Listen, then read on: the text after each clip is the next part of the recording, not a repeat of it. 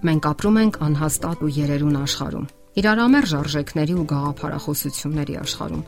Այս վերջին ժամանակներում ավելի հաճախ է հնչում աշխարհն այլևս այն չէ եւ այլևս նախկինը չի լինի արտահայտությունը։ Ինչն է վատատեսության եւ հորետեսության պատճառը, որտեղ է թաքնված մեր օրերի մարդկանց հիմնախնդիրների եւ տագնապների աղբյուրն ու արմատը։ Իթիվս այլ հիմնախնդիրների այս օրերում առաջացավ եւս մեկը՝ կորոնավիրուս կամ թագավարակ, խոճապ, որ փոխեց աշխարհի դեմքը։ Նոր համաճարակի հետ կապված խոճապը ավելի արագ տարածվեց աշխարհով մեկ, քան ցանկացած բացիլ։ Դա ավելի շուտ կարելի է անվանել վախի համաճարակ, քան կորոնավիրուսի համաճարակ։ Հիվանդությունն ինքնին անկասկած լուրջ է, սակայն կարևոր է անհանգստություններին եւ վախերին չտրվելը։ Ինչպես հաղթահարել վախերը, որոնք կարող են խանգարել մարդկային բնականon գործունեությանը։ Իր տեսակետն է ներկայացնում կլինիկական հոգեբան, հրապարակախոս, ցանցային խոշոր հոգեբանական ռեսուրսներից մեկի գլխավոր խմբագիր Ջոն Գրոհովը։ Նա գրում է, թե ինչպես չինական այս նոր բացիլը ստիպեց, որ աշխարհը կծկվի իր մեջ։ Իսկ վախը ծնում է ավելի մեծ վախեր։ Վախեցնող տեղեկատվությունը նույնպես։ Իսկ ահա ապատեղեկատվությունը կամ կեղծ տեղեկատվությունը արդեն անհամեմատ ավելի արագ է տարածվում, քան հիվանդությունն ինքը։ Մեկ անգամ եւս նշենք, որ բացիլն անկասկած լուրջ վտանգ է ներկայացնում իրենից։ Իսկ ահա խոճապը ոչ միայն չի օգնում հաղթահարելու հիվանդությունը, նաեւ զրկում է խելամիտ գործելու հնարավորությունից։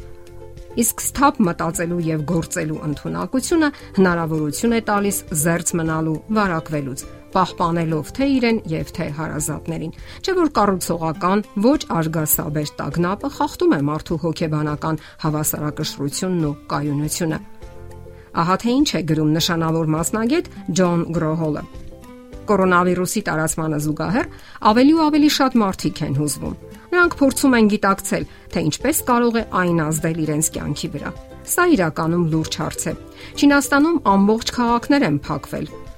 այսպես ասած կարանտինի մեջ են շրջափակման։ Ամբողջ աշխարհում սահմանափակումներ են դրված ճանապարհորդությունների, շրջագայությունների առումով։ Այսպիսի իրավիճակում տագնապը հասկանալի է կորոնավիրուսը կարող է մահացու ելք ունենալ։ Սակայն չպետք է մոռանալ, որ առաջին հերթին սպառնալիքի տակ են թուլացած իմունային համակարգով մարդիկ։ Եվ վերջապես, ինչպես հաղթահարել նոր բացիլի առաջացրած վախն ու տագնապը։ Երբ մեր ուղեղը ինչ որ անհայտ եւ վախեցնող երևույթ է նկատում, նա չափազանցնում է վտանգի աստիճանը։ Նա այնպիսի զգացումներ է առաջացնում, որպես թե նման բան կարող է տեղի ունենալ հենց ձեզ հետ։ Դա կենսաբանական տրամադրվածության հակազդեցության մի մասն է, որը արտահայտվում է հետևյալ կերպ. խփիր կամ փախիր։ Մեր ուշադրությունը գրավում է մեծն ու սարսափելին Իսկ այն ինչ սովորական է, սակայն իրականում ավելի վտանգավոր, ավելի քիչ ուշադրության է արժանանում։ Մենք վախենում ենք շնաձկներից, սակայն ամեն օր նստում ենք մեքենայի ղեկին, չնայած այն բանին, որ մեքենայի վթարից զոհվելու հավանականությունը անհամեմատ ավելի մեծ է, քան շնաձկան կողմից հոշոտվելու։ Այսպիսով նոր բացիլի բռնկումը ավելի սարսափելի է թվում, քան ցանկացած արդեն հայտնի վտանգ։ Դրանից բացի մարդը անընդհատ թարմ թեժ նորություններ է որոնում, քրքրում սոցիալական ցանցերը։ Դե իսկ լրատվական դաշտը գերագնահատում է հիմնախնդիրը եւ նրան ուղեկցող վտանգները։ Հեղինակը վիճակագրական տվյալներ է բերում, ըստ որի միայն այս սեզոնում սովորական գրիպը պատճառ է հանդիսացել ավելի քան 15 միլիոն մահերի եւ 140 հազար հոսպիտալացման։ Համեմատելով կորոնավիրուսի հետ, ասենք որ 2020 թվականի մարտի 6-ի տվյալներով ախտահարվել է մոտ 98000 մարդ, ընդ որում մեծ մասը Չինաստանում։ Իսկ ահա Reuters գործակալության տվյալների համաձայն կորոնավիրուսից մահացության տոկոսը կազմում է մոտ 3.4։ Այլ կերպ ասած, գրիպը դեռևս անհամեմատ ավելի հաճախ է հանդիպում եւ այդ պատճառով ամեն տարի անհամեմատ ավելի շատ կյանքեր է խլում։ Եվ թեպետ կորոնավիրուսը կարող է ավելի վտանգավոր դուրս գալ, սակայն առայժմ հայտնի չէ կվարակի արդյոք նա նույնքան մարդկանց, որքան գրիպը։ Իրավիճակին համապատասխան պատշաճ նախազգուշական միջոցառումներ։ Ահա այն, ինչ պահանջվում է ձեզանից։ Ինչպես եւ գրիպը, կորոնավիրուսը տարածվում է ամենօրյա շփման միջոցով։ Հպումներ, հազ, փրշտոց։ Ահա թե ինչու հարկավոր է մնալ տանը եւ չգնալ աշխատանքի կամ հասարակական վայրեր, երբ տկարություն եք զգում։ Պետք չէ մերց շփվել հիվանդի հետ։ Պետք է պահպանել հիգիենայի կանոնները։ Ձեռքերը կանոնավոր լվացեք տաք ջրով եւ օճառով։ Նվազագույնը 20 վայրկյան։ Հատկապես երբ դրսից եք տուն գալիս եւ հաց եք ուտում։ Բրիտանական արխայական դեղագործական ընկերությունից հաստատում են, որ այդքան ժամանակը 20 վայրկյանը բավական է, որ բակտերիաներն ու բացիլները ոչնչանան։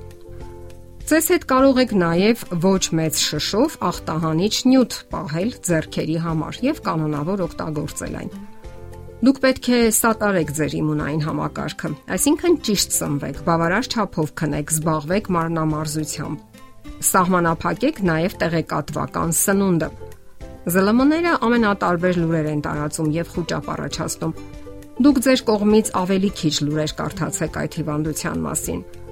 Եվ հիշեք, գիտնականները օր ու գիշեր աշխատում են, որpիսի ավելի լավ հասկանան այդ բացիլի էությունը եւ գտնեն միջոցներ սահմանափակելու նրա ազդեցությունը եւ արժե վստահել նրանց։ Իսկ եթե ցանկանում եք թարմ ու հավաստի տեղեկություններ ստանալ, դիմեք պաշտոնական աղբյուրներին, այլ ոչ սոցիալական ցանցերի բամբասանքներին։ Եվ վերջապես ներառեք դժվարությունները հաղթահարելու ձեր սեփական, ստուգված եւ առողջ սկզբունքները վերլուծեք, համադրեք փաստերը, դիմեք հուսալի մարդկանց օգնությանը եւ այլն։